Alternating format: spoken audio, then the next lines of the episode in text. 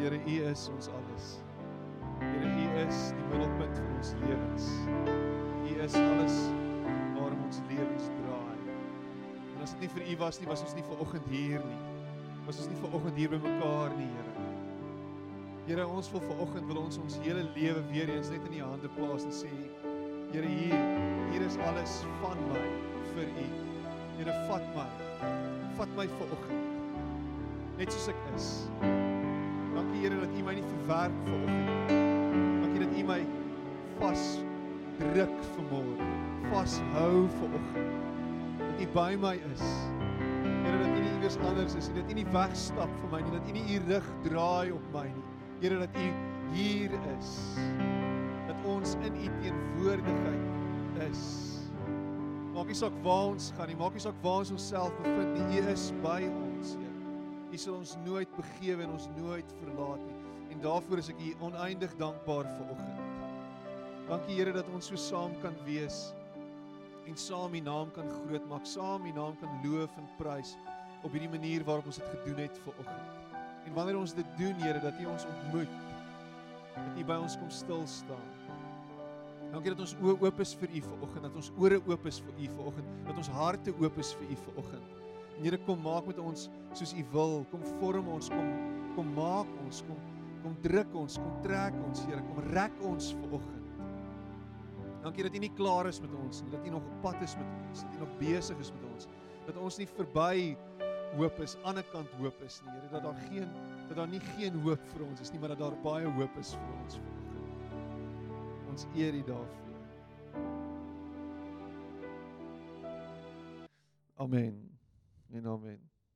Baie dankie. Jy mag jou sitplek neem.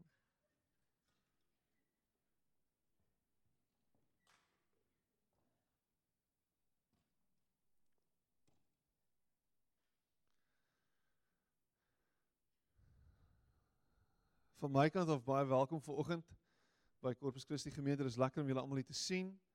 So op die laaste Sondag van die vakansie kan ek net sê kan ek kan ek net 'n yes hoor wat die ouers ek weet julle is baie opgewonde daaroor skole begin en ehm um, ja, dis die tweede helfte van die jaar wat aangebreek het. So van hier af is dit net afdraande. En uh is nog 'n geleentheid vir jou om oor te begin. Jy hoef nie te wag tot volgende jaar nie, jy kan nou oor begin. Die Here is 'n God van tweede kansse. Nou vanoggend is ons bevoorreg om een van ons pastore in die gemeente, Alicia Fortuin te hê wat vir ons die woord gaan bedien. Um en ek is so so opgewonde daaroor.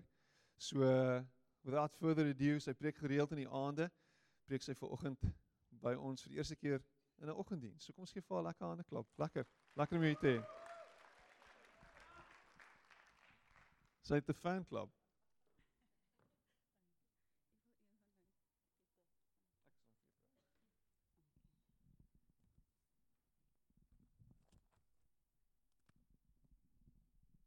Goeiemôre almal. Gaan dit? Is julle bly om hier te wees? Klink nie bly nie. Is julle meer nervus as ek vir myself? Ehm um, dis aangenaam om in die huis van die Here te wees. Ek gaan so enige oomblik gaan ek oor gaan in Engels so bear with me. This is an absolute privilege for me this morning to be able to bring the word of God to you. I'm humbled by this opportunity. And it's like currently in my life, things are going, this, it's chaos. It's like, what is happening in my life? I feel like I'm going through deep struggle and pain with everything that's going on. And when everything happens in my life, the one thing that I can say is no matter what, the one thing that I am sure of is that God is not dead. I will never hear the news that God died. Because if I hear that news, then it's over for me. I don't need to be here. I can just also die. But the beauty of all this is that God cannot die. So, so I can never be too hopeless about where I am. Because I serve a God that always existed and a God that exists in eternity. I serve a God that is all knowing, a God that is all understanding, a God that created the human brain. And he created the cognitive abilities of the human brain. So, therefore, I cannot but have hope in this God.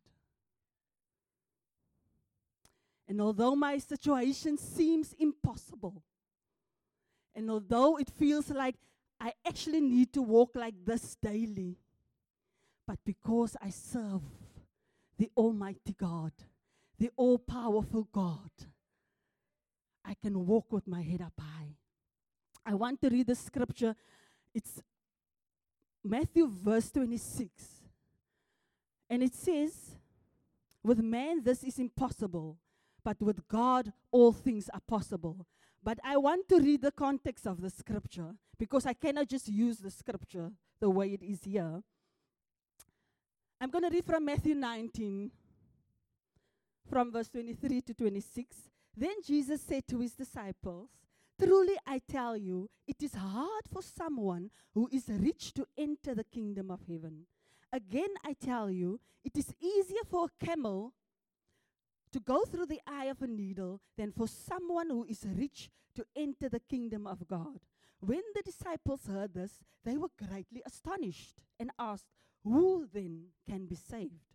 Jesus looked at them and said, With man this is impossible, but with God all things are possible. So the context of this verse actually lies in in the preceding verses, the verses even before verse 23 that I've just read now.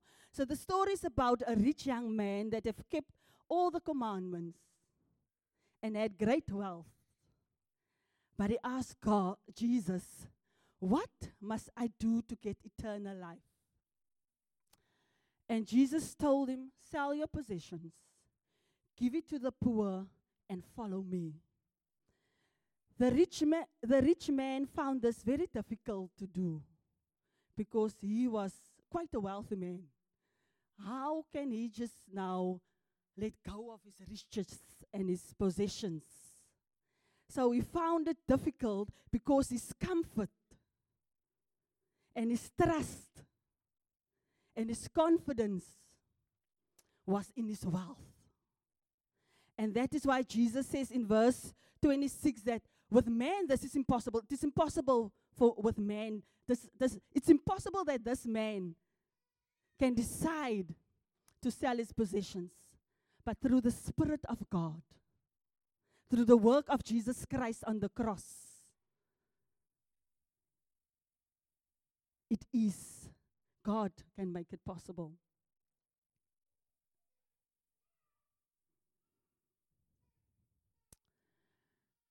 And although this verse lies within that context of the rich man, verse 26 also echoes an overall an overall truth that we find in the Bible. That with God, all things are possible. And it's this truth that I want to highlight this morning. And I'm going to look at other verses that highlights this truth. When we look in Genesis 18 from, from verse 13 to 14, so Genesis 18 f- verse 14 says, Is anything too hard for God? And this is where the, law, the Lord told Abram that Sarah will fall pregnant. Sarah, who is 90 years old, will fall pregnant. And he said, by this time next year, when I come back, you will have a son. And Sarah overheard this conversation. And she's like, "Huh? Say what? I'm going to fall pregnant. I'm past my, my childbearing years. And it's in, in, in this context that the Lord is saying, Is anything too hard for the Lord? And when we look at Luke verse 1, Luke 1 from verse 37, it says, For God, nothing will be impossible. This is the, the New King James Version. My other scriptures came from the NIV. But I believe that the people, and they know who they are, is they are also going to heaven, the ones who reads the message and the boodskap. Um, I believe uh, I actually heard that. Um, and in this verse, Luke 1:37, for God nothing will be impossible. This verse is where the angel came to Mary and told her that you are the chosen one. You are the one who will carry the Savior of the world. And Mary's like, uh, but I never had a man before, like, like, like how? And then the angel, angel also told her that um, your relative, so I think it's an aunt, I'm going to make up and say it's an aunt, but the Bible says it's Mary's relative, Elizabeth, is also pregnant and she's six months pregnant. And Elizabeth was also an old lady, past the childbearing years, and she was barren. She couldn't um, conceive. And then the angel said, for God, nothing will be impossible. So, what is funny to me is that Mary, there's nowhere in the scripture that I find that Mary actually told the angel, but it can't be that Elizabeth is also pregnant. But I think the angel actually knew that that will be the question of Mary like, how? Is Elizabeth my aunt? Seriously, my aunt Elizabeth? But with God, for with God, nothing will be impossible. So, every impossible situation in our lives, all the difficulties that we, we're going through, with God, nothing is impossible. Jeremiah 32, from verse 27, it says, Jeremiah, I am the Lord of all mankind. Is there anything too hard for me? And this is when Jeremiah was the prophet, and God told Jeremiah to go tell the people of Judah that I am going to raise up a nation, Babylon, to come and take captive Israel because of the sin that is crying out to me. The sin of Israel that is crying out to me. But in the same breath, God is also saying to Jeremiah, so he's saying, I'm going to take captive Israel. And Israel is going to be, the country is going to be a heap of ruins. There's going to be nothing. But then in the same breath, he tells Elijah, Your relative will come and he wants to sell his land. Purchase the land. Invest in Israel while I am going to make it a heap of ruins.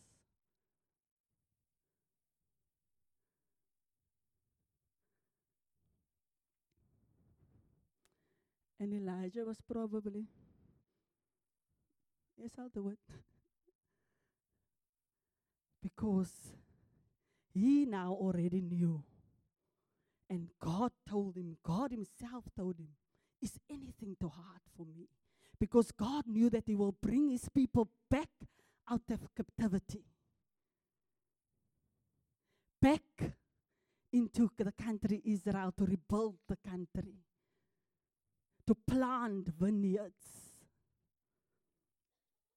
And in Genesis 1, verse 1, In the beginning, God created the heavens and the earth. Now the earth was formless and empty. Darkness was over the surface of the deep, and the Spirit of God was hovering over the waters. There was nothing. In your situation, it feels like there is nothing. But God is a creator God. He can turn that nothingness into something great and something beautiful. And this is where my hope lies. And this is where our hope should lie in a God that specializes in impossible situations. This is why we can still stand. This is why we can wake up every morning and do what we have to do because we serve a God that is impossible. This is that does impossible situations. This is where our hope lies. The physical pain that we go through, emotional pain that we go through. We sometimes feel stuck in a season. It's like I'm not going anywhere, nothing is happening in my life, whether good or bad or bad. Where is God? It feels like God has forgotten about you and where you are. God has overlooked you and it's gone to your neighbor.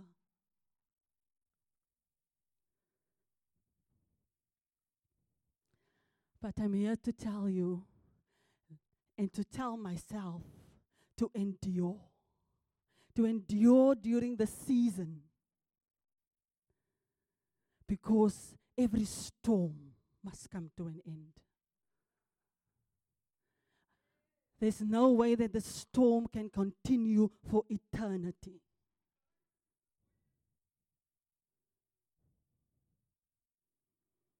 So let us take this hope. Because what happened or what's happening in your life is no surprise to God. Not at all. It might be a surprise to me and it might be a shock to me, but it's no surprise to God.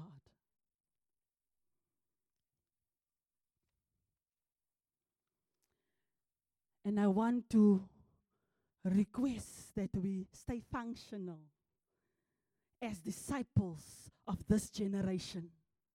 Because we are. If you have accepted Jesus Christ in your life, you are a disciple of Jesus Christ. Because you might be the only Jesus that people see in your sphere of influence. Because they don't go to church, they don't believe in God. So let's stay functional in our time of distress. And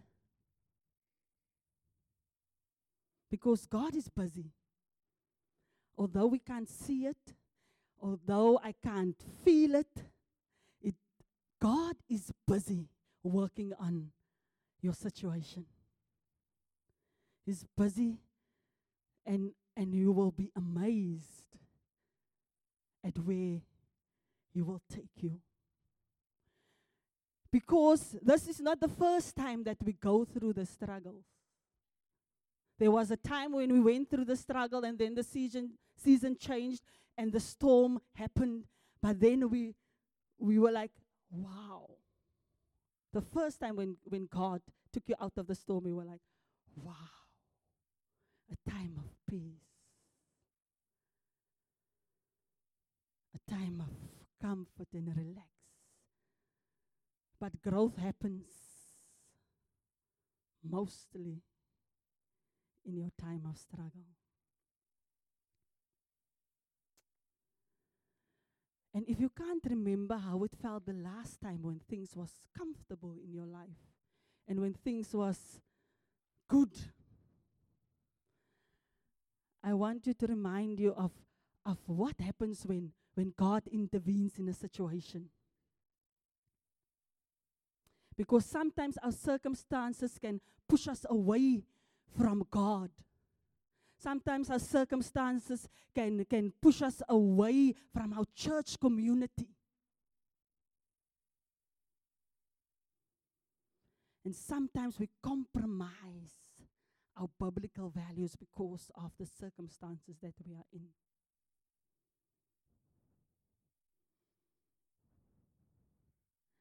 But I want you to, to look at these three, pe- four people.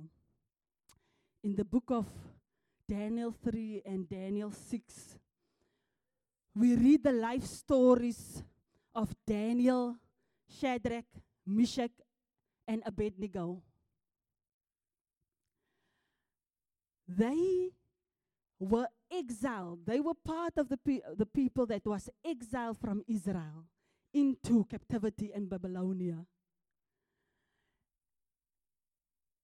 They were exiled from Israel, but they never forgot, in Babylon, they never forgot the God of Israel.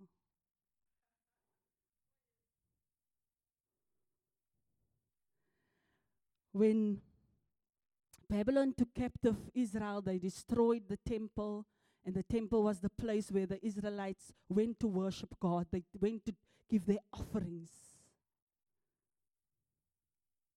And here in Babylon, although the temple was destroyed there, here they still worshiped God, the God of their forefathers, the God who's been known as the God of Israel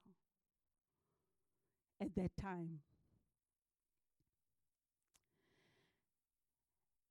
And Daniel, something happened, and Daniel is thrown into the lion's den. You can go read the story.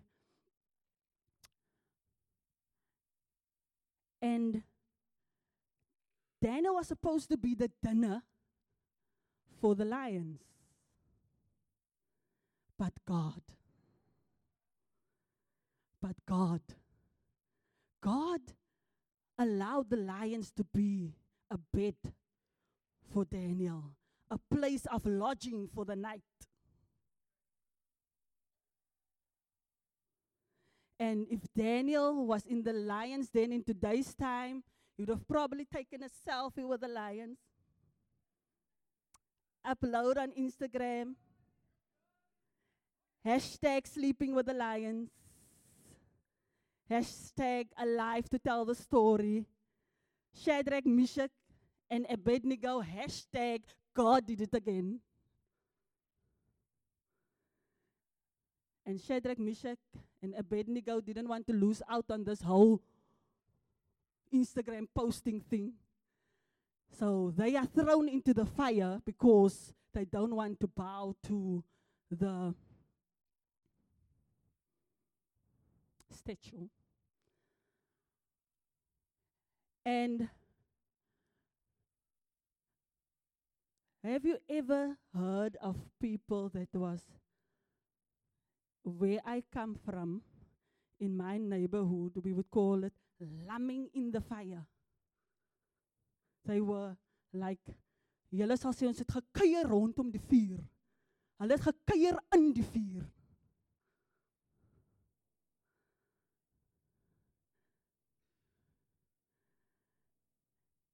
They were in the fire and they were walking in the fire.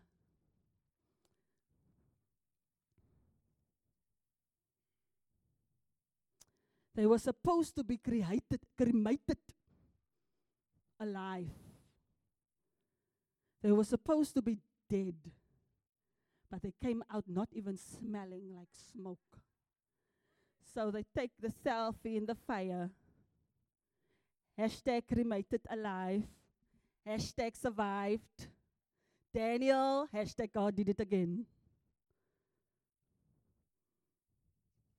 And, and what's so amazing about the story is that King Nebuchadnezzar then decreed. He decreed that no one should say anything against the God of Shadrach, Meshach, and Abednego because no other God can save like this. This is who we serve or whom we serve. So, what does God look like for people looking at your life, looking at my life? In our times of the stress and in our times of struggles, what does God look like to the people who is witnessing what you are going through? And that is why we need to be functional in our time of deep struggle, our time of constant battles. You know what your struggles are marriage, your children, your relationships, family, friends, or lack of family or friends, finances, work. And it's almost like when the one thing stops, it's like you're in a fight constantly, having to fight off everything that comes your way. Because when the one thing stops, the other thing springs up.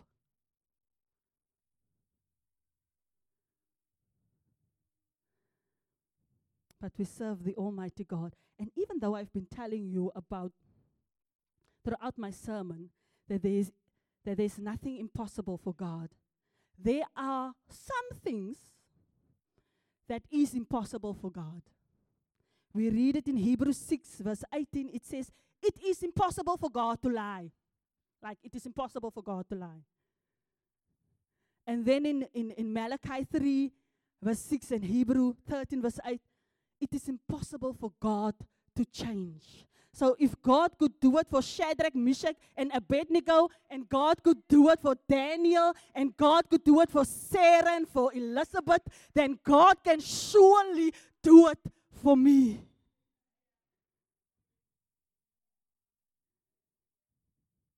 What is your impossible situation this morning?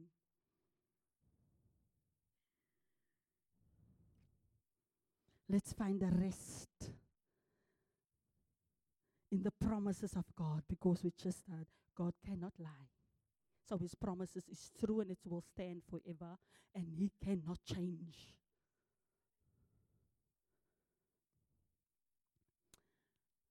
I want to end up with a story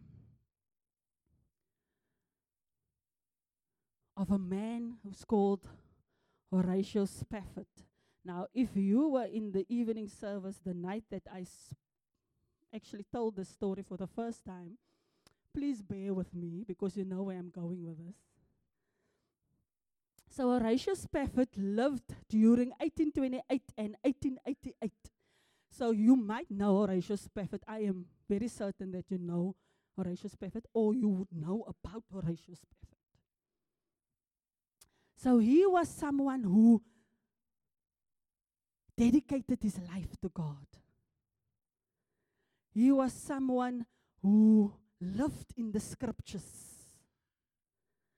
He was someone who wanted to live a life that is pleasing to God. And he was a rich man, he was a lawyer in Chicago, very wealthy businessman. He had a lot of investments in real estate. He had a wonderful family, a wife with four daughters and one son. And everything was well in Horatio Spafford's life. He lived under the blessings of God. He lived in the calmness of God.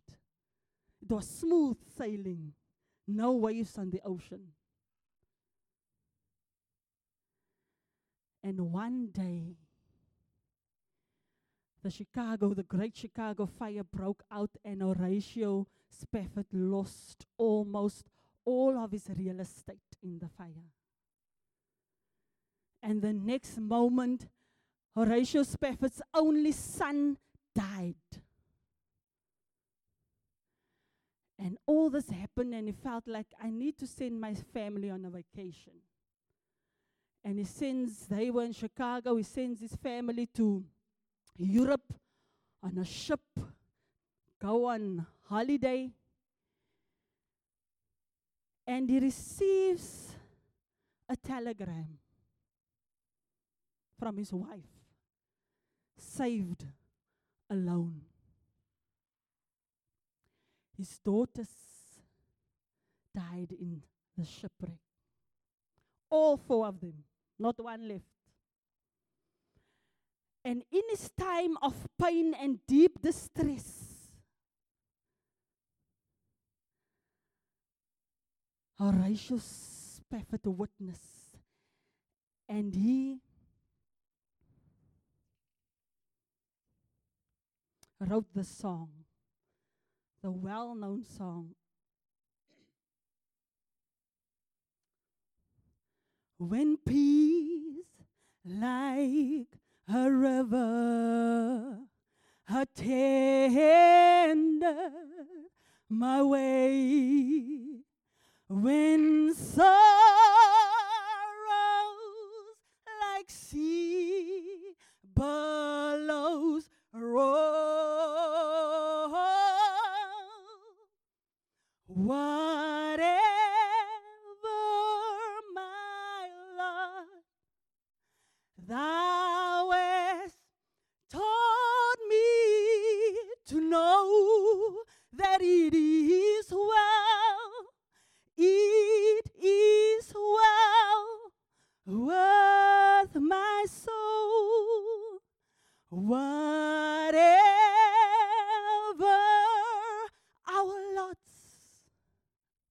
thou hast taught me to know it is well, it is well with my soul. Let's pray.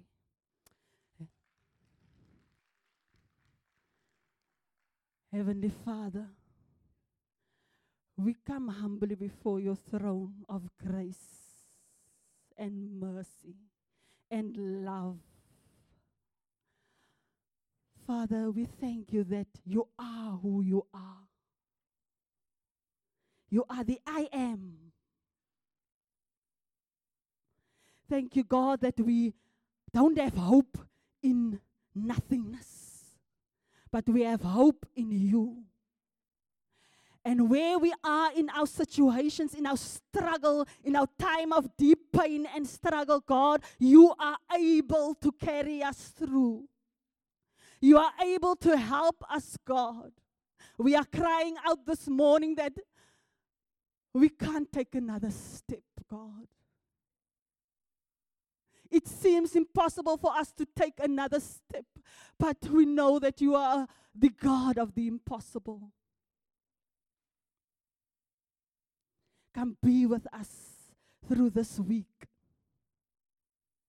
Let us find rest and peace in knowing who you are, no matter who we are and where we are.